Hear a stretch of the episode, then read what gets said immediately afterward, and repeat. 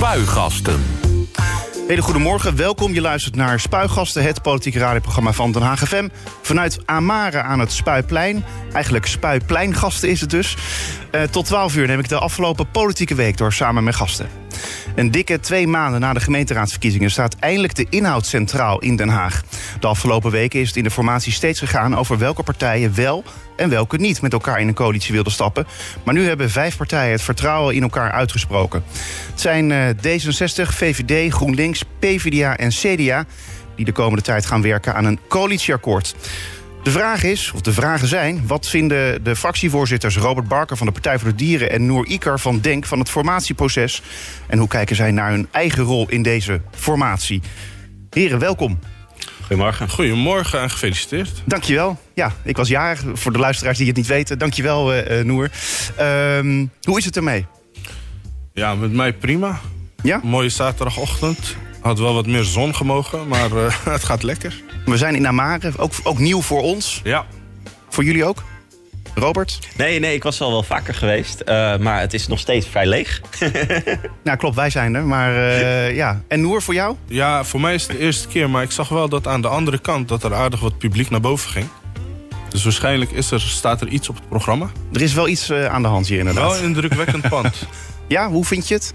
Ja, het, ja, we hadden het net erover. We vinden deze lamp, lichtjes hier zo niet zo heel erg mooi. Maar het pand ziet er goed uit. Ja, nou ja, het ziet er inderdaad mooi uit. Het Verzakkingen zijn niet hier, hè? Nee, nee, nee. Dat, het gaat alleen om de zalen. Het gaat, bij, bij ons is het zo dat wij... Uh, uh, ja, we zitten natuurlijk gewoon in de open ruimte hier uh, in Amare. dus wij, als het goed is, ja, dan, dan zouden wij... Dus we kunnen alleen maar figuurlijk door de grond zakken ja. af en toe.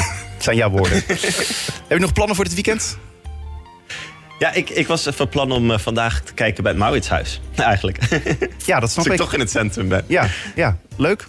En voor jou, Noer? family time leuke dingen met de kids doen. Leuk. Dus ja. uh, verder niks. En uh, je gaat niet naar... Uh, ja, kom, kom trouwens gerust binnen hoor. Lekker koffie komt jullie kant op. Dankjewel. Van de brasserie hier in Amare. de zwarte koffie is voor Noer inderdaad. Of nee, die is voor mij. de cappuccino die is voor, voor, voor Noer. Ja, juist. Ja, ja, juist. Nou, hartstikke mooi. Dankjewel. Dankjewel.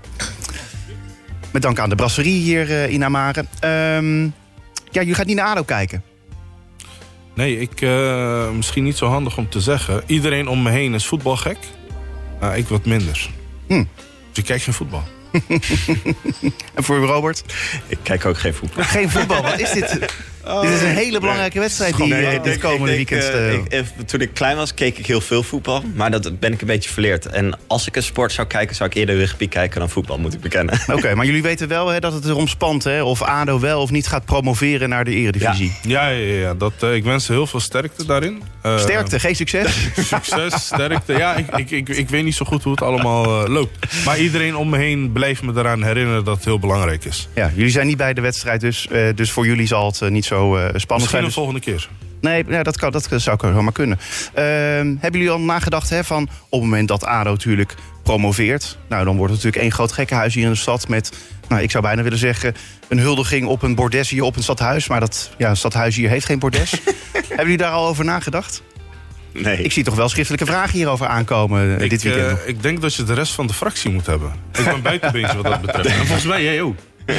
nou, in ieder geval, ik ben uh, niet zo'n groot voetbalfan. Maar het, ik denk dat uh, nou, uh, een beetje feesten hoort erbij. Maar ik, ik ga ervan uit dat er geen rellen of dat soort dingen gaan gebeuren. En als, als er on, onrust zou ontstaan, dan neem ik aan dat de burgemeester ook daarop voorbereid is. Ja, dat, dat is ook zo. laten we dan gewoon gaan hebben over de dingen waar jullie meer verstand van, van hebben. namelijk over de politieke week en natuurlijk ook de formatie. Maar zoals gezegd, beginnen we bij het politieke weekoverzicht. En dan beginnen we bij... Maandag 23 mei. Vanaf 10 oktober zal er geen Russisch gas meer worden afgenomen door de gemeente Den Haag. Dat schrijft wethouder Saskia Bruines aan de gemeenteraad. De overeenkomst met Gazprom wordt uiterlijk op die datum stopgezet. Dat besluit is onderdeel van het vijfde sanctiepakket van de Europese Unie tegen Rusland. Omdat, sneller dan verwacht, uh, omdat dat sneller is dan verwacht, zullen de kosten voor de levering van gas oplopen, verwacht de wethouder. Robert, vind je dit een goed besluit van de gemeente? Ja, eigenlijk is het natuurlijk geen besluit van de gemeente. Want uh, het is een sanctie. Dus het is gewoon uh, Europees bepaald dat we geen gas meer van Gazprom mogen afnemen. Dus eigenlijk zou ik het een, op zich een goed besluit hebben gevonden. als de gemeente zelf het initiatief had genomen. om niet meer afhankelijk te zijn van Rusland. Uh, maar dat is natuurlijk niet, niet het geval. Dus, maar ze hebben het wel in een redelijk vroeg stadium gezegd. Hè, dat ze willen kijken naar zo snel mogelijk van het Russisch gas afgaan. Nee, maar dit, dit, is gewoon dit is verplicht. Dus ze moeten nu gewoon een aanbesteding starten, heel snel.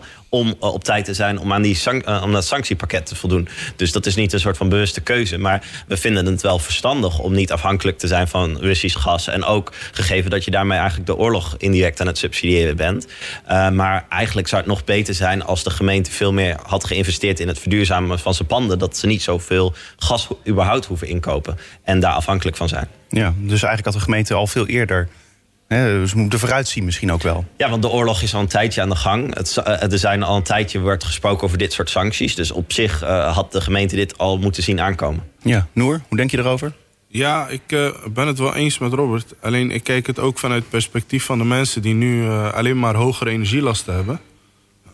dus enerzijds moest de gemeente dus veel eerder schakelen. Dus dat je een beetje vooruit kijkt en op basis daarvan handelt. En anderzijds moeten we nu gaan kijken hoe we de mensen die het hardst getroffen worden hierdoor op de juiste manier gaan helpen. En, en hoe doe je dat dan? Ja, ik krijg het gevoel dat dat uh, ook weer een beetje uh, mosterd na de maaltijd gaat zijn. En dat er niet nu al geanticipeerd wordt op hoe we ze gaan helpen. We hadden die 900 euro, die energietoeslag die mensen kunnen aanvragen. Daar hadden we vanuit Denk hadden we gezegd, er wordt niet genoeg gedaan. Dus we gaan zelf even met een team mensen er doorheen helpen, begeleiden in dat proces en aanvragen doen. Toen kwamen we erachter dat er heel veel mis is. Dus uh, veel mensen weten niet hoe ze het moeten doen. Uh, ICT-systemen van, uh, van de gemeente werken vol, volgens mij op Windows 98 of zo. Want alles blijft maar, blijft maar haken. Dus je ziet dat de gemeente niet klaar is voor dit soort veranderingen. Dus daar moeten ze dan nu even het tandje bijschakelen en meer in gaan investeren. Ja. En hoe nu verder, Robert? Ja, nou, het, het, punt wat Noor maakt gaat natuurlijk over de, uh, uh, zeg maar de, de huishoudens. en het punt wat ik maakte ging wat meer over het gemeentelijke gebouwen. Maar de, ik zou zeggen, als je kijkt naar de huishoudens, is het inderdaad ehm, heel slecht dat de gemeente eigenlijk zijn zaken niet op orde heeft. Dat, dat zeg maar de begeleiding niet goed is. Dat het uh, soort van de site elke keer crasht. Al dat soort dingen. Eigenlijk is het heel gek dat je als gemeente. Um, een regeling instelt. Um, met, wat eigenlijk heel fijn is voor mensen. Dat ze ondersteund worden in deze moeilijke tijd. Maar dat je het eigenlijk als gemeente niet rondkrijgt om het goed te implementeren. Sterker nog, misschien maken ze het wel moeilijker dan zou moeten? Ze maken het zeker moeilijker dan zou moeten uh, doordat zo'n systeem crasht. En mensen uh, die zo'n uh, zo aanvraag doen, die hebben zoveel aan hun hoofd. En dan moeten ze al een vrij ingewikkeld formulier invullen, waarbij de site dan de hele tijd crasht. Ik denk dat de gemeente wel eigenlijk zorgzamer zou moeten zijn, gegeven eigenlijk een vrij kwetsbare doelgroep. Ja, en iedereen merkt het nu al op zijn energierekening. Misschien eigenlijk al langer. Hè? Dus ja, die compensatie komt altijd achteraf pas. Dus dat ja. is natuurlijk ook extra vervelend dat het dan langer duurt voordat ook mensen uit, die uitkering krijgen eigenlijk. Ja, en het laat ook wel zien van dat uh, vaak in Den Haag de subsidies terechtkomen in rijke wijken. En die gaan dan investeren in verduurzamen. Die kunnen zorgen dat hun energierekening lager wordt. Wat heel goed is, denk wat, ik, wat jullie heel goed wat vinden. Wat wij heel goed vinden, dat mensen investeren in hun huis en, en uh, klimaatvriendelijker worden. Maar ik voel maar, maar het, komen. Ja, het, het, het vervelende is dat de gemeente uh, dus eigenlijk niet de mensen in de wat armere wijken weet te bereiken. En die hebben het vaak veel harder nodig. Dinsdag 24 mei. Farid Azarkan, de fractievoorzitter van Denk... die is al een paar jaar eigenaar van een restaurant in Utrecht. En dit heeft hij niet expliciet gemeld aan de Tweede Kamer... terwijl hij daar tijdens de coronacrisis wel meepraatte... over heropening van de horeca tijdens de lockdowns. Dat meldt Trouw. Noer, uh, ik begreep net voor de uitzending, toen we het er heel eventjes over hadden... dat je het helemaal niet had gevolgd. Nee, ik uh, zag wat tweets voorbij komen over koffie. En ik had uh, met Stefan van Baarle, collega van uh, Azek ook mijn collega... had ik even een bakje koffie gedaan. Toen zag ik allemaal tweets van koffie, ja, lekker. Ik dacht, ja, ja koffie, lekker. voor de rest, ja, ik weet wel dat, dat Azek heel serieus is wat dat betreft. Dus... dus jij vond het niet onhandig van hem? Nee, ik, ik weet ook niet precies wat er zich afgespeeld heeft. Uh, maar ik weet wel dat de horeca een klap heeft gekregen. Dus ik weet niet in hoeverre hij daar dan per se profijt van zou hebben gehad. Ik weet wel dat uh, van dat restaurant... Uh, vond ik best wel mooi. Las ik een uh, artikel dat hij is een investeerder geweest destijds. Om iemand te helpen waarvan de vader was overleden. En die een droom had. En dat was het hebben van een restaurant. Dat vond ik best wel mooi. Ja, dus maar goed, dat is dat, dat uh, hoofdinkomstenbron van uh, Azerkamp per se is. Nou ja, sterker nog, hij zegt zelf dat hij niks heeft verdiend aan uh, Cousina, zoals ja, dat restaurant dus heet. Omdat het restaurant de afgelopen jaren verlies heeft geleden. En volgens hem is het gebruikelijk om als Kamerlid extra inkomen op te geven bij de Tweede Kamerorganisatie. Maar dat hoeft dan niet als je verlies maakt. Ja, dan is er helemaal niks aan de hand. Maar ik denk dat we.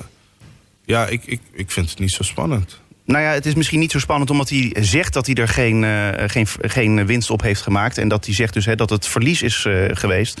Maar stel dat het andersom was geweest. Stel dat hij wel eraan had verdiend. Dan hadden we het dus ook niet geweten. Ik denk dat we Azekan daarvoor moeten uitnodigen. Ja, dat is waar. Ja.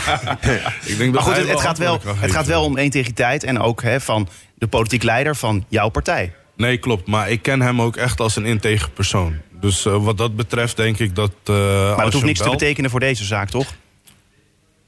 Voor zover ik weet, uh, is het een integer persoon. En dit soort vragen kunnen het best door hem beantwoord worden. Want ik weet het niet. Nee. Robert? Ja, volgens mij is de kern uh, van deze discussie... en ook uh, een discussie die we ook vaak in de raad hebben... is van als je een bepaald belang hebt, een persoonlijk belang... bijvoorbeeld je maakt minder verlies of meer winst op iets... Uh, een bepaalde activiteit... of je dan zou moeten deelnemen aan de beraadslaging... of deelneming aan een stemming over een bepaald onderwerp. In dit geval de horeca-sluiting of niet. Um, en uh, ik denk dat daar uh, de kern van de integriteitsdilemma zit, waar uh, vaak over gesproken wordt. En ik denk dat het wel goed is dat de Kamer daar ook vaker over spreekt. Omdat in dit geval kan je ook afvragen van was het handig dat hij aan het debat deelnam. Ik zie wel knikken, Noer. Ja, nee, het klinkt ook logisch. Alleen ja, ik, ik heb moeite met me uitspreken over dingen waar ik niet in verdiept heb. Je hebt ook geen belang in het restaurant, hè? Nee. dus laat ik het toch even vragen. Okay. Nee, nee, nee. Oké, helder. Het zit in Utrecht, dus nee, doe mij maar Den Haag. Goed zo. Dan gaan we door. Woensdag 25 mei. Wethouder Liesbeth van Tongeren van GroenLinks eh, van Duurzaamheid en Energietransitie wil nog steeds haar handtekening zetten onder een contract om de aanleg van een warmteleiding van de Rotterdamse haven naar Den Haag mogelijk te maken. Dat bleek woensdagavond tijdens een eh, commissievergadering van de gemeenteraad. Dit tot ongenoegen van de, van de raad, die zich hier al langere tijd tegen verzet. Fractievertegenwoordiger Tim de Boer van de Haag Stadspartij... die noemt de actie van de wethouder een schoffering. Uh, Robert, ja, voelde het inderdaad als een schoffering van de gemeenteraad? Nou, het was in ieder geval heel raar dat uh, de gemeenteraad zich uh, in grote meerderheid uitsprak om niet te gaan tekenen. En dat de wethouder vervolgens een brief stuurt van ik ga tekenen. Um, uh, je kan er allerlei woorden op plakken, maar het is toch niet echt wat een wethouder hoort te doen. De, uh, de raad is het hoogste orgaan. En als dan de wethouder gewoon dat naast zich neerlegt, is het wel heel apart. En volgens mij ook heel onwenselijk gegeven, zeg maar, uh, de consequenties van de leiding door het midden. Dus het is een fossiele restwarmteleiding die heel veel overlast gaat veroorzaken in heel veel wijken als die wordt aangelegd. Maar ook daarna kan, uh, zorgt dat je vastzit aan de fossiele industrie en juist duurzame bronnen wegdrukt. Dus het is niet wenselijk om deze aan te leggen. En daarom is de raad uh, ja, die heeft duidelijk uh, besloten om niet mee te gaan doen. En dan is het gek dat zij dan toch zegt: ik ga tekenen. Ja. Uh, maar goed, je zegt hè, je, het is gek, het is raar, maar niet een schoffering van de raad. Want uiteindelijk voert ze niet uit wat jullie als raad hebben bepaald. Klopt. Namelijk dat er niet getekend wordt. Nee, en dat, is, uh, dat hoort de wethouder niet te doen. Nee. Dus is nog steeds voornemens namelijk om te tekenen. Uh, Noer? Ja, het is enerzijds dus um, heb je lak aan wat de raad vindt... en anderzijds heb je lak aan wat de bewoners vinden. Dus uh, wat dat betreft zou ik het ook wel kunnen klassificeren... als een schoffering van de raad. Maar als je het breder trekt, dan zie je ook dat... Uh, het belang van bewoners er minder toe doet. Met grote projecten. En als je dan in zo'n situatie kijkt waarbij de bewoners aangeven... wij willen dit niet, dit gaat te veel impact hebben op onze levens en uh, dan heb je de raad die daarin meegaat en zegt... luister, dit is niet verstandig. dan is het heel gek dat een wethouder zegt... nou, ik zet mijn handtekening toch eronder. Maar goed, zij schetste zelf in die uh, vergadering de consequenties van het niet tekenen. Ze zei namelijk, hè, als wij niet tekenen... Uh, dan is het verstandig om ook geen vergunningen meer te verlenen. En de provincie neemt dan de vergunningverlening over... en gaat ook de provincie de eventuele schade afhandelen. Dus waarom tekenen? Hè? Omdat die specifieke risico's afdekken... die met publiekrechtelijke bevoegdheden niet geregeld kunnen worden... Um, Robert, denk je dan niet, als je deze uitleg dan hoort... heb je dan niet meer begrip gekregen voor ja, het standpunt van de wethouder? Nee. Dat je dus meer controle verliest op het moment dat je dus niet tekent? Nee, uh, ik, ik denk dat als je uh, kijkt naar uh, wat nu de situatie is, is eigenlijk dat de wethouder steeds een stapje heeft meegewerkt aan dit plan. Terwijl de raad altijd heeft gezegd: dit vinden we geen goed plan. En als de provincie zegt van dit willen we uh, graag doen, uiteindelijk kunnen ze ons overvoelen. En laat ze dat maar doen. Laat ze dan maar die schadeafhandeling doen. Laat ze dan alles overnemen. Volgens mij is dat alleen maar goed voor Den Haag dan dat de provincie alle problemen krijgt die gepaard gaan met het ophalen van alle staten. Maar dat vind ik wel interessant, dat je als gemeenteraadslid... het is goed als de provincie iets overneemt. Want dat wil je toch als gemeenteraad niet? Je wilt toch juist... Nee, uh... liever, liever hebben we helemaal niet dat het gebeurt. Maar als de provincie het graag wil doordrukken... en ze die bevoegdheid hebben... Eh, ik betwijfel of dat verstandig is dat de provincie dat doet... dan moeten ze zelf die afweging maken... en ook zelf de schade betalen. En niet naar Den Haag kijken om dat te doen. Ja. Noor? Ja, ik heb daar niks op aan te vullen. De, dat is mooi. Volkomen gelijk. Dan gaan we door. Donderdag 26 mei. De oud-lijsttrekker van Denk, Abdou Hariouli, die is terecht ontslagen door de partij. Dat heeft de rechter geoordeeld. Hariouli die had een zaak tegen de partij aangespannen... omdat het ontslag volgens hem ongegrond was.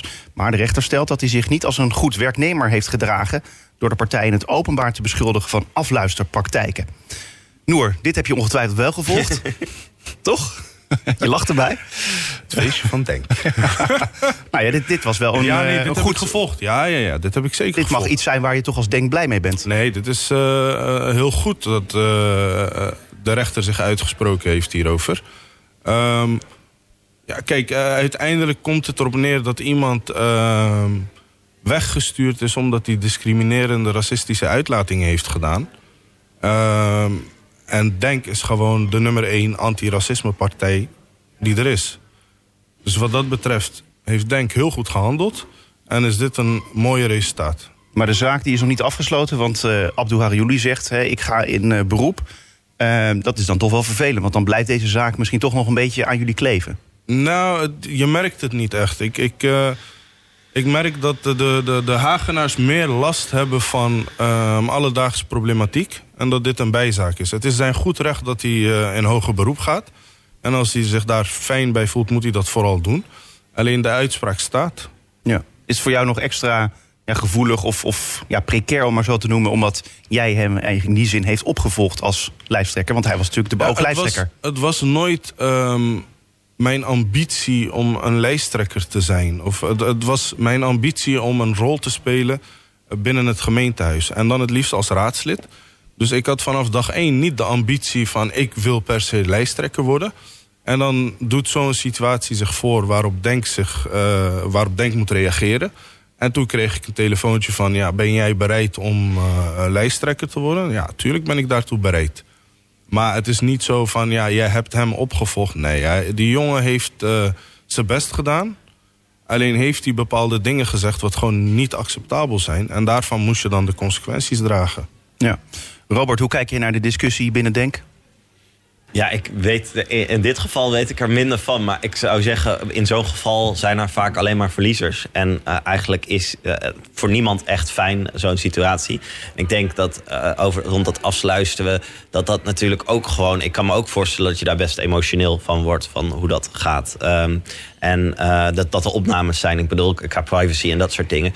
Dus ja, het is, hopelijk is het binnenkort is het, is het een beetje ja, rustig, zou ik zeggen. Ja, dat uh, hoop ik voor jullie ook. Noor, denk je dat het rustig gaat worden nu? Het is al rustig. Het is al rustig? ja, het is al rustig. Het is meer dat uh, de media besteedt er aandacht aan. Oh, dus ik heb het weer gedaan. Ja, het, is, het is begrijpelijk. Maar als je gaat kijken of het in de stad leeft...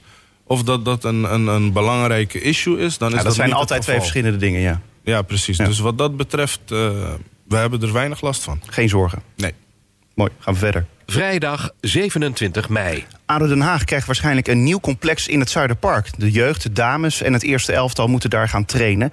Ook worden er wedstrijden van die teams gespeeld... met uitzondering van de eerste elftallen. De gemeente en de voetbalclub die hebben daarover een akkoord bereikt. De komende tijd wordt de haalbaarheid van deze campus Zuiderpark onderzocht. Daarna worden de plannen verder uitgewerkt... eh, schrijft wethouder Hilbert Bredemeijer van het CDA aan de gemeenteraad. Had je de brief gezien, eh, Robert? Ja. Wie was, ja, was het een verrassing eigenlijk dat dit eh, voorstel eh, eruit kwam? Nou, niet echt een verrassing, maar er staat ook eigenlijk niet heel veel in die brief. Want er staat eigenlijk van we gaan kijken. En ik ben heel benieuwd eh, wat er uitkomt. Want ik vrees dat, dat, dat het een soort van opmaat is naar heel veel geld moeten investeren in iets. En, en ik zag dat er ook heel veel parkeerplaatsen weer aangelegd moeten worden. En dan vraag ik me af, waar in het Zuiderpark is daar plek voor? Dus ik ben wel wat kritisch of dit gaat resulteren in iets. Dankjewel. Nou, we krijgen nog meer koffie. Het is eh, een en al koffie hier bij deze. Nice. Dankjewel. Ehm ja, Noor, ehm, ja, is het belangrijk dat ADO weer terug in het Zuiderpark komt? Ik denk dat dat wel. ik- Dat vind ik wel weer leuk. Ehm, kijk, ik heb eerder gezegd, ik volg geen voetbal. Maar ik herinner me nog heel goed toen eh ADO-stadion in het eh, Zuiderpark was. We zorgden toch wel voor een mooie sfeer. Dus wat dat betreft, dat daar de trainingen worden gedaan, lijkt me wel goed. Ja. Mooi voor de stad. Ja, zeker mooi. Ja, als dat kan. Ja. kijk, ADO en de gemeente Den Haag die zijn al jaren op zoek dus naar, een naar een geschikte plek, eh, plek voor een trainingscomplex. En daarbij kwamen in het verleden eh, meerdere varianten en plekken in beeld. En ook het Zuiderpark is al eens eerder aan de orde gekomen. Maar die plannen werden echter nooit realiteit. Dus de vraag is dan, ja, waarom zou het dan nu ineens wel gaan werken? Klopt, maar dat was eigenlijk het punt wat ik maakte. Ja. Het is natuurlijk wel een, een, een mooi als het lukt. Maar ehm, het Zuiderpark is natuurlijk een park waar wij blij mee zijn dat het een groen park is. En als er dan allemaal eh, andere plannen zijn, de vraag is van waarom in het verleden het niet is gelukt. En een van de dingen is waarschijnlijk kosten en het tweede is ruimte. Dus ik ben benieuwd hoe dat nu opgelost wordt. Ja, en jij stelt één, eh, nou ja, eigenlijk één voorwaarde. Er mag geen groen verloren gaan natuurlijk. Klopt, en het moet niet een megalomaan plan zijn wat eh, belasting betalen heel veel geld kost, gegeven dat we in een crisis zitten en eigenlijk het geld ook beter kan worden besteed in eh, andere wijken bijvoorbeeld. Ja, en financieel eigenlijk al eh, rood staan als Ja, we gemeente. staan 19 miljoen structureel tekort. Dus Ja. wat dat betreft eh, vraag ik me af waar het geld vandaan komt. Ja, daar ben ik ook benieuwd naar. Eh, we gaan door naar eh, de laatste dag. Zaterdag 28 mei. Werkzaamheden aan tramlijn 16. Het Piet Heinplein ligt open. De werkzaamheden in Loosduinen en de Utrechtse baan. De halve stad die ligt open voor werkzaamheden. Zowel fietsers als automobilisten die moeten op verschillende plekken omrijden. En er staan ontzettend veel omleidingsborden in de stad. We realiseren ons dat we veel geduld en begrip vragen van weggebruikers in Den Haag, zegt de verkeerswethouder Robert van Asten van D60. Noer, stoor je een beetje aan de wegopbrekingen? Volgens mij hoorde ik je net al een beetje zuchten of lachen. Ja, ja, ik ben, ja, ik ben een eh, automobilist, hè. Ja. Ja, ik stoor me er enorm aan. Ben je ook hier met de auto naartoe gekomen? Nee, nee, nee. Hier eh, ben ik gewandeld. Oké. Ehm, nee, maar als je kijkt naar, tenminste, je, je hebt, je hebt eh, de afsluiting, et cetera. Dat zorgt al voor een bepaalde verkeersdruk. En dan heb je nog allerlei eh, projecten die gaande zijn. Of wegen die opengebroken worden. Eh, dat heeft ook enorm impact. Dus in, eh, wat ik me dan afvraag is in hoeverre kan je dat spreiden? Dus dat je niet zoveel tegelijkertijd eh, probeert te doen. Maar dat je het in bepaalde etappes doet... waardoor het minder impact heeft op de automobilist. Ja, ik denk dat dat wel eh, wat fijner zou zijn. Robert, jij als fietser, eh, jij hebt geen auto, hè? Dus, Nee. dus jij hebt geen last misschien van de wegafsluitingen? Of valt dat toch nog tegen? Ja, dat valt wel tegen, want ik denk wat, wat Noor, Noor zegt, eh, klopt eigenlijk ook voor de fietser. Dus eh, ik, ik fietste laatst eh, naar het Zuiderstrand. En dan, eh, dan, ik woon in Mariehoeven. En dan, dan moet je door het centrum.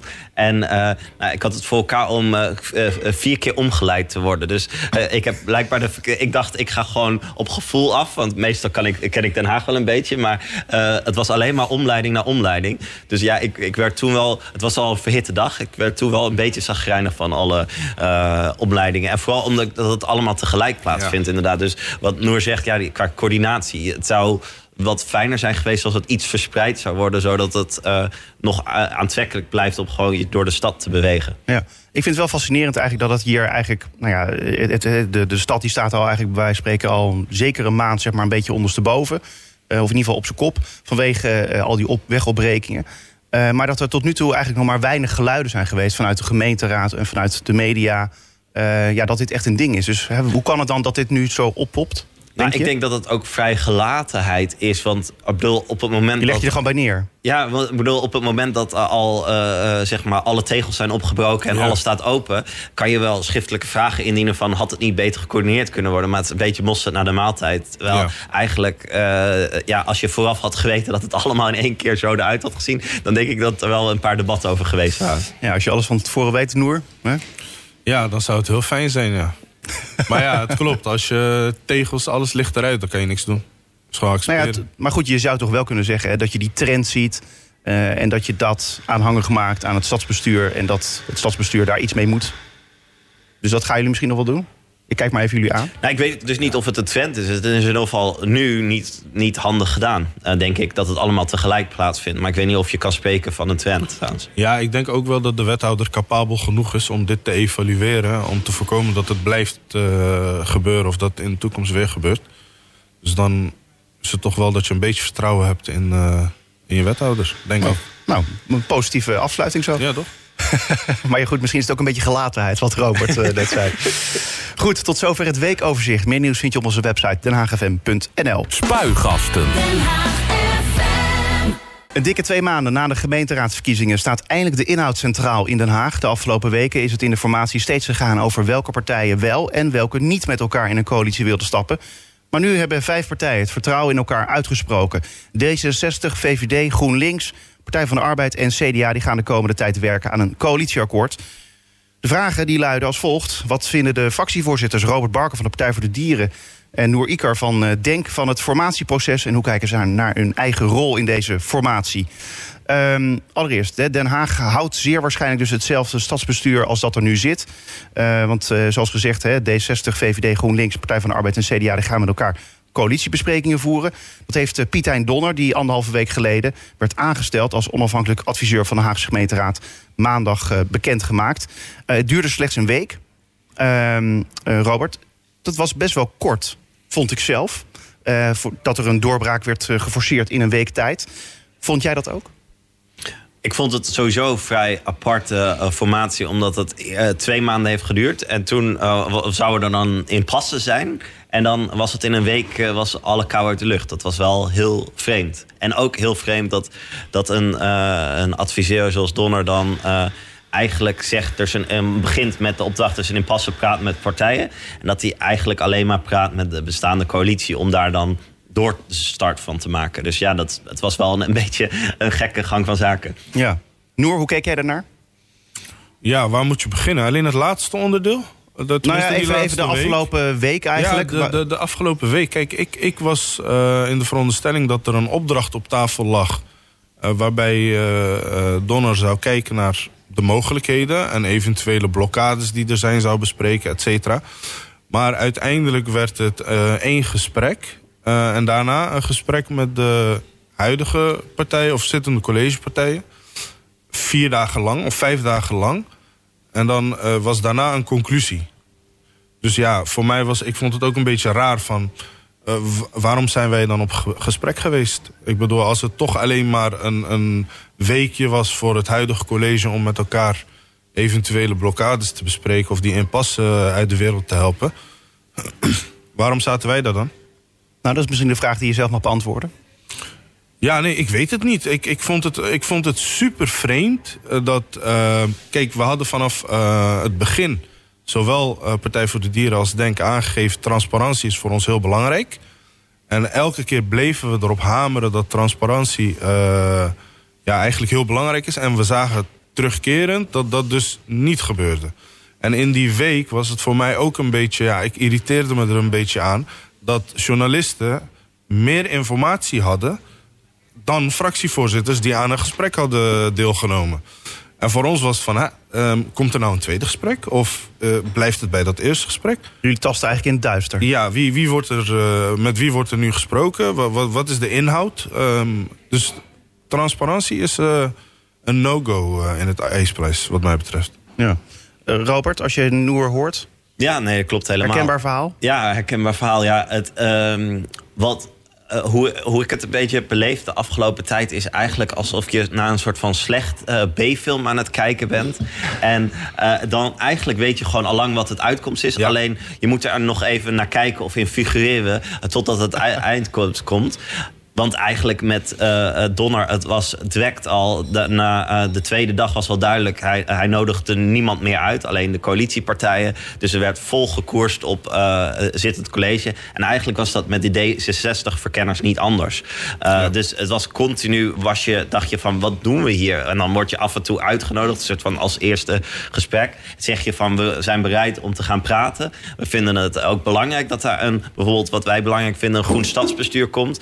En dat zeg je dan en vervolgens word je nooit meer uitgenodigd. En überhaupt in de afgelopen paar maanden is er nooit inhoudelijk met ons gesproken. Dus dan denk je wel van ja, eh, waar moeten we in dit filmpje van de coalitie figureren? Terwijl we weten dat het gewoon zeemold zeemold wordt. Ja, aan de andere kant zou je ook kunnen zeggen van... ja, Donner heeft met jullie gesprek gevoerd... en hij zag toch de grootste of duidelijkste opening... bij de vijf huidige coalitiepartijen. Om zeg maar, hen ertoe te doen bewegen om verder te gaan.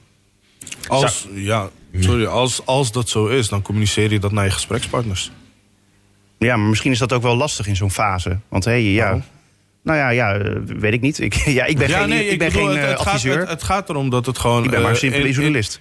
in het eh, kader van transparantie. Dat je dus gewoon aangeeft aan je gesprekspartners van luister, eh, dank voor het gesprek. Eh, we gaan nu verder met X, Y, Z. Ja, als, als ik kijk van, ehm, naar de verschillende opties die de D66-verkenners eerst hadden bekeken, dat waren dan de voorgangers van Donner, waren de, eh, was het heel erg eh, ingezoomd op de coalitiepartij. Daar zijn ook de meeste gesprekken mee gevoerd. Als dan die conclu- clu- concluderen, er is een impasse, we kunnen niet verder. Dan is het best wel vreemd om dan als Donner eh, zeg maar alleen maar weer op de coalitiepartijen te zitten. En niet te kijken naar de andere opties die de verkenners niet hebben bekeken. En ik denk dat je daar best wel kritiek op mag hebben van... eh, is dan de opdracht van Donner gewoon om met de coalitie door te gaan? Of is de opdracht open? En als de opdracht open was, waarom kijkt hij dan alleen maar naar de zittende coalitie? Ja, maar goed, eh, nogmaals, ik denk dus... hij zal de beste opening hebben gezien bij deze partijen. Dat, eh, en Ja, dat- dan is is het- het toch knap dat hij in een week tijd... Hè, dat moet je hem nageven, Ja. dat hij in een week tijd die doorbraak heeft Ja, Het forceerd. ligt, het ligt sowieso niet aan eh, de informateur of aan Donner in dit geval. Het is wel knap dat hij binnen een week eh, dat voor elkaar heeft gekregen. Maar ja, je krijgt toch wel vraagtekens. Waarom duurt het drie maanden om erachter te komen dat eh, het huidige college verder wil? Ja. Dus waarom zijn eh, we daar niet in eerste instantie al eh, eh, uitgekomen? Nee, maar goed, dat is het lastige. Dat, dat die partijen, natuurlijk, die zitten ook niet hier. Dus die, ja, die, die kunnen er ook niet, niks over zeggen eigenlijk. Ja, kijk, wat voor mij ook is, is ik, het, het voelt een beetje als een gedwongen huwelijk. Want als je, ehm, we hadden in een raadsdebat, hadden we, had ik aangegeven dat eh, Robert van Asten was het, van D66. Dat hij zei van, ik heb ze in de afgelopen maanden vaker gesproken en gezien dan in de afgelopen vier jaar. Dus dat betekent dat de relaties of dat eh, de, de onderlinge verstandhoudingen, dat daar niet echt aan gewerkt is. Als je dan in een week tijd dat probeert door te drukken, van oké, en nu kunnen jullie wel door één deur. In hoeverre heeft dat een eh, vruchtbare toekomst? Ja, Ja. Wat, wat zegt het dat je als zittend college maanden nodig hebt om überhaupt over de inhoud te praten? Ja, want daar gaat het nu pas over inderdaad. En wat heb je- zegt heb- dat voor de komende vier Ja. jaar? Ja, Eh, Eerst nog even een andere vraag. Hè, heb je enig idee hoe Donner ervoor heeft gezorgd, eh, Robert, eh, eh, om deze, deze doorbraak te forceren? Ik denk dat het. De vraag is of hij nou echt een doorbraak heeft geforceerd. Of dat het eigenlijk altijd al dit, zeg maar, de uitkomst was. Want ik bedoel, als je. eh, eh, Dat hij bij wijze van spreken met de vuist op tafel heeft geslagen en zegt: Jongens, niet zo moeilijk meer doen. Jullie gaan het gewoon doen. Klaar. Ophouden met die gekkigheid. Nee, ik heb geen idee of dat is gebeurd. En, eh, en indien dat is gebeurd, hoe? Ja. nee, ik denk niet dat ze daar ook vatbaar voor zijn hoor. Ehm, Nee, je denkt niet dat ze geïmponeerd zijn, de nou, huidige ze- fractieleiders of de lijsttrekkers? Nee, ik denk uiteindelijk dat ze hun eigen koers bepalen. Eh, Dat mag ik wel eh, hopen, ja. ja. Ja, precies. En dat Donner wel een eh, steentje heeft bijgedragen aan het weghalen van die blokkades. Maar het is eh, wat Robert zegt. In hoeverre was dit al eh, de verwachte uitkomst? Ja. Laten we het ook nog even hebben over eh, GroenLinks en de PvdA. Want eh, sinds de verkiezingen heeft GroenLinks de PvdA eigenlijk vastgehouden. En andersom, en niet meer losgelaten. Ja. Ehm, ze hadden geen lijstverbinding en hebben zich eigenlijk los van elkaar geprofileerd ook in de campagne. Want hè, ze hebben niet gezegd, eh, eh, nou ja, stem bijvoorbeeld, hè, als je Ja. niet op de Partij van de Arbeid wil stemmen, stem dan op eh, GroenLinks. Dat hebben ze niet eens gezegd. Eh, dus wat vind je dan van deze keuze, Robert? Nou, wat ik vooral apart vind, is dat beide partijen zeiden... we willen een progressief college. En uiteindelijk gewoon niet hebben gekozen voor een progressief college... maar gekozen hebben voor het zittende college. En je kan je afvragen, zo'n zittend college... die een afvalprobleem niet aan kan pakken... die een groen probleem niet aan kan pakken... die zeg maar het klimaatprobleem niet aan kan pakken... waarom zou zo'n zittend college het nu wel kunnen doen? Nou, Nou, ik, ik denk dus same old. Dus ik denk eh, dat als je eh, kijkt naar het zittend college... wat gewoon doorgaat... wat eh, eigenlijk nu al een structureel tekort heeft...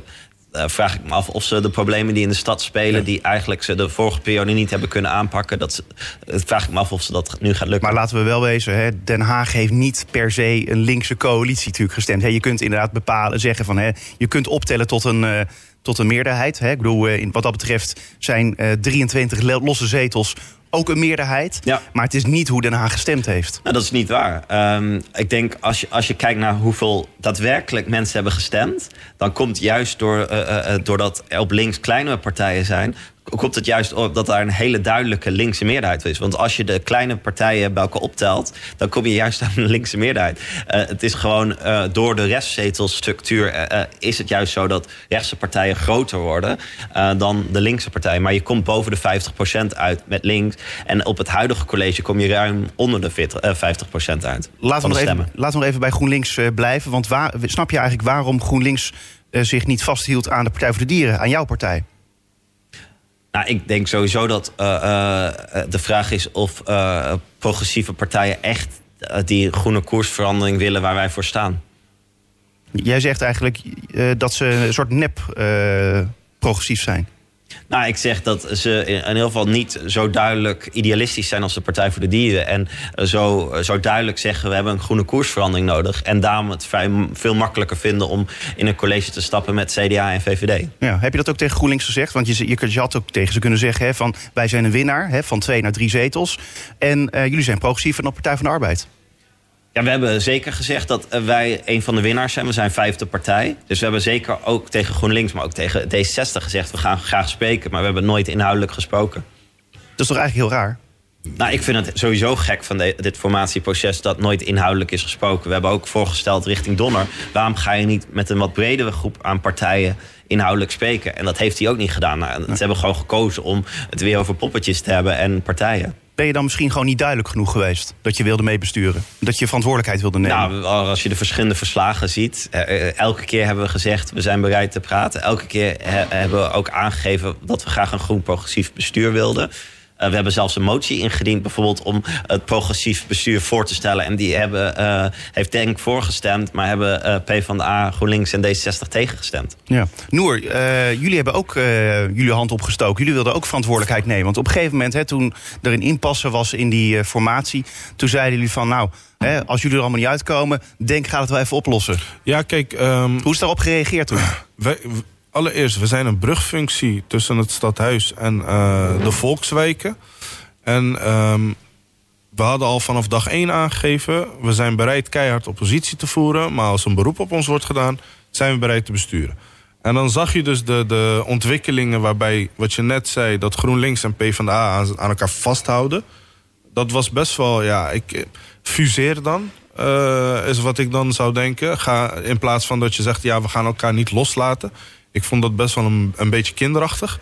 Ehm, en dan wordt er dus een, een optie op tafel gelegd van de zeven partijen. Waarvan wij in eerste instantie dachten van... ja, dit is niet echt haalbaar of realistisch. Er zijn te veel risico's hieraan verbonden. En dan de andere partijen, waaronder GroenLinks en Partij van de Arbeid... zeggen, nou nee, we zien dit ook wel als een eh, goede optie. En dan komt naar buiten, ja, Denk wilde het niet. Toen was het voor mij ook duidelijk... nou, we werken in het belang van de Hagenaars... En als er een impasse is, of als we niet vooruitkomen... dan gaan wij met alle plezier het inhoudelijk gesprek aan met deze zeven partijen. Alleen ja, dan komt de waarheid naar boven. En dat is dat GroenLinks en Partij van de Arbeid dat eh, ja, niet wilden. Nee, dus dan kom je, niet, eh, dan kom je daarmee niet, niet verder. Nee. Eh, dan nog even naar de VVD. Want hè, die zeiden luid en duidelijk dat het geen doorstart van de coalitie is, maar een nieuwe start.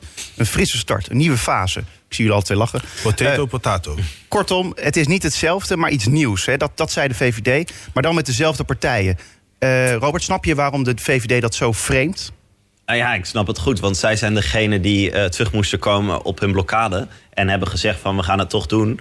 Maar uiteindelijk weten we allemaal dat het precies hetzelfde beleid wordt. Met ongeveer dezelfde poppetjes. Ja, dat zegt de VVD dus niet, hè? Nee, dan ben ik benieuwd of ze eh, andere wethouderskandidaten voorstellen. Of dat het gewoon precies dezelfde wethouders zijn. Want uiteindelijk denk ik dat het grootste deel van de wethoudersploeg van de VVD hetzelfde blijft. En ook van andere partijen. En dat het grootste deel van het beleid hetzelfde blijft. Dus eh, eh, wat de Partij voor de Dieren betreft, ja, wij hoeven niet per se in een college te zitten. We kunnen genoeg in de oppositie bereiken. Maar wij zou- zullen wel, denk ik, eh, het stadsbestuur heel erg moeten aanjagen om groener te zijn. Want de afgelopen tijd heeft het daar wel aan geschort. Ja. Eh, tot slot, hè, koesteren jullie nu eigenlijk wrok eh, eh, richting die nieuwe coalitie, de huidige coalitie, hoe je het ook wil noemen, dat jullie waarschijnlijk dus niet in die coalitie terechtkomen? Noor? Nee, geen wrok. Dat is eh, een groot woord. Ik vind het wel jammer dat eh, twee winnaars in dit geval gewoon niet serieus genomen zijn in die gesprekken. Dus dat er niet inhoudelijk gesprekken zijn gevoerd. En dat die brugfunctie naar de volkswijken, dat dat gewoon niet serieus genomen is. Dat is wel jammer. Maar wrok is een groot woord. Robert? Nee, eh, eh, wij eh, hebben de afgelopen tijd. Ja, we zijn al een hele tijd in, in het gemeentebestuur of in, het, in de gemeenteraad geweest. Hebben al die tijd goed kunnen acteren. Dus goed die getuigenisrol kunnen spelen als groene partij. En dat gaan we gewoon de komende tijd doen. En daar hebben we een sterke fractie voor gekregen. En hebben we veel plezier om gewoon de komende tijd te staan voor een Groen Den Haag. En met goede voorstellen te komen om het beter te maken. En dan echt laatste vraag. Wat wordt nou jullie manier van politiek bedrijven als de nie- nieuwe coalitie aangetreden is? Is dat samenwerken of tegenwerken? Want als je je echt constructief natuurlijk opstelt, dan is de kans natuurlijk misschien groot dat je over vier jaar wel in dat bestuur komt. Nou, het Ja. doel is niet in om in een bestuur te zitten. Het doel is ook niet om Dan mensen kun je toch te echt iets veranderen? Dan kun je toch echt iets veranderen? Nee, want je kan ook genoeg veranderen vanuit de oppositie. Eh, ik bedoel, je, eh, we zijn, hebben heel veel initiatiefvoorstellen gedaan. Ook die aangenomen zijn. Heel veel aangenomen moties. Dus je kan genoeg bereiken vanuit de oppositie. En je gaat niet de komende vier jaar eh, de coalitie pleasen... om dan over vier jaar wel aan tafel te komen. Dus de- als de vraag is samenwerken of tegenwerken, dan wordt het dus tegenwerken. Nee, het is geen tegenwerken. Het is staan voor je idealen. En, en dat betekent eh, dat je soms met elkaar samenwerkt. Want soms kan je de stad beter maken samen. En soms betekent het dat je andere partijen aan hun idealen probeert te houden. En soms betekent dat dus ook eh, hard oppositie voeren. Ja, Noor, is het in je opgekomen hè, dat, eh, dat er nu niet wordt gekozen voor partijen als Partij voor de Dieren en Denk, omdat jullie geen bestuurlijke ervaring hebben en misschien ook omdat jullie wel geen constructieve houding hadden ten opzichte van de afgelopen coalitie? Ik denk dat we een hele constructieve houding Ja, dat vind hebben. jij, dat vind jij. Maar, maar Ja. verplaats je even in die andere? Nee, maar zelfs vanuit het perspectief van de anderen. Want kijk, was de uitkomst anders geweest... dan hadden ze heel graag met ons samengewerkt. Dus wat dat betreft eh, zijn wij wel een serieuze gesprekspartner. Eh, wij gaan vier jaar lang gewoon constructief politiek bedrijven... maar wel kritisch zijn op alles wat er gebeurt. Want we hebben gezien dat de afgelopen vier jaar... er heel veel mis is gegaan en dat er heel veel niet goed is gedaan... Eh, ja, wij moeten er nu voor zorgen vanuit de oppositie dat daar verandering in komt. Ik dank jullie wel. Robert Barker van de Partij voor de Dieren en Noor Iker van Denk. Bedankt. Spuigasten. Het politieke radioprogramma op Den Haag FM. Live vanuit de Centrale Bibliotheek aan het Spui. Het is volgens mij armoede als je moet constateren dat je alleen bij een 79-jarige kan uitkomen. Ik vind interviews altijd ingewikkeld. Dat boek dicht, eh, gaat er weer een nieuw boek eh, open. Spuigasten. Elke zaterdag van 11 tot 12 uur met Ivar Lingen. Kom langs of kijk mee via het tv-kanaal van Den Haag FM. En dan is nu tijd voor de column van Marcel Verrek. Stadgenoten, ik was afgelopen week op het prachtige Waddeneiland... geheel door Robert Barker goedgekeurd. Schiermonnikoog. Laten we zeggen, precies het omgekeerde van Schiphol. Daar kan je op een strand lopen en denken dat je in de megastores bent. Zo oneindig rustig. Op Schiphol is dat tegenwoordig dus anders en dat heeft ook zijn voordelen. Zo hoef je niet meer met de auto of de trein naar Schiphol. Dat spaart je ook de parkeerkosten uit, want de rijen staan inmiddels tot aan Den Haag. Dus dan kan je beter gaan lopen, voor zover er nog wat te lopen is. Nee, dan Schiermonnikoog. Daar kan je ook lopen, al moet je wel een beetje opletten... want soms is de strand opeens weg. Ja, het leven op het Wad is door Shakespeare al treffend omschreven als... app of niet app, That is the question. Zo'n verblijf op zo'n eiland doet je beseffen dat er veel parallele werelden zijn. En dat wij kunnen kiezen in welke we willen vertoeven. Ergens woedt een verschrikkelijke oorlog en vliegen allerhande projectielen door de lucht. Op Schier is het vredig en vliegen er voornamelijk vogels. En insecten, die ik ook al lang niet meer had gezien en gevoeld. Die vogels trekken ook een ander soort vogels aan... die nog net tot de menselijke soort behoren... met de verrekijker vergroeid aan het voorhoofd. Al ziet het er heel vredig uit. In feite kijken ze permanent naar harde porno en geweldsdelicten. Want wie de natuur goed bestudeert... weet dat het er draait om moord, doodslag, seks en lijkenpikkerij. In Spanje zal de natuur het daarom moeilijk krijgen... want daar wordt seks, om te beginnen tussen mensen... nu aan regels gebonden. Voordat tot paring kan worden overgegaan... moeten er wat formulieren ingevuld worden... waarbij de betrokkenen toestemming geven. Het is weer een stap verder in de niet aflatende strijd voor meer beschaving... Alhoewel men zich nu openlijk de vraag stelt of deze administratieve handelingen de goesting niet zullen verminderen. Ik denk eerder dat er iets anders gebeurt. Het invullen van formulieren zal geseksualiseerd worden. Zeg maar bloedgeil. Een, een vrouw, een man of voor mijn part een queer met een papier en een pen in de hand zal direct tot opwinding en gruizigheid leiden. Ik verwacht onbetamelijke tafereelen bij de balies in het IJspaleis. Eindexamens zullen helemaal uit de hand lopen. Op ministeries zullen wetten amper getekend kunnen worden... omdat de officials zich in het zicht van pen en papier zullen gaan gedragen... als de staf van Boris Johnson. En dan bedoel ik met de staf voor de duidelijkheid uh, zijn medewerkers. Eenzelfde soort opwinding voelde ik deze week bij het woord moskee... nu ik begrijp dat daar mogelijk plezierhuwelijken worden voltrokken. Plezierhuwelijken, dat is voor veel mensen een contradictio in terminis. maar het komt erop neer dat deze huwelijken een uitral zouden zijn van geld en seks. Voor diezelfde mensen is dat uh, sowieso de definitie van een huwelijk. ja, als je op zo'n eiland bent, dan waait de geest. Ik was er echt, maar het leek een sprookje. Niet een sprookjesbos, want er kwamen geen bakjes naar beneden. Wel dingen uit vogels, vieze dingen. Kinderen gingen er ongestoord en onbedreigd naar school. Apenpokken, daar hebben ze daar nog nooit van gehoord. Willy Bortsfrequent, die leeft daar nog gewoon. Terwijl ik hier terug op de vaste wal begreep... dat hij inmiddels Petrus aan het belagen is. Hé, hey, hé, hey, vuile schoft, laat me erin. Wel kwam het bericht door dat Feyenoord het niet gered heeft tegen de Romeinen. Dat is heel jammer, maar we hebben ADO nog. Die zullen dat Excelsior toch met grasmat en al opvreten. Ik begreep dat mijn vriend Sjaak Bral al aan de middenstip begonnen is. Hoezeer ik ook van Rotterdam, de stad van mijn moeder houd... en hoeveel sympathie ik ook heb voor Feyenoord... dat geen kans om een nut laat om het lijden te vergroten. Dit keer moet ik als Hagenees toch ervoor pleiten... dat we die jongens van Excelsior door die smeerpijp weer terug naar Rotterdam duwen. Ja, Ivar, ik heb in deze column misschien hier en daar wat stevige... zeg maar volwassen termen gebruikt, maar... Je hebt sinds deze week de leeftijd waarop je dat aan zou moeten kunnen. Ja. En zo kwam ik weer terug in mijn stad. De reis van het eiland met een slingerende veerboot over de stormachtige Waddenzee was turbulent. Maar flink heen en weer bewegen, dat zijn we hier in Amare inmiddels wel gewend. Hou je haags, geniet van het goede. Hup Ado en tot snel. Dankjewel Marcel. En dit was Spuigasten voor deze week. Bedankt voor het luisteren. Tot volgende week.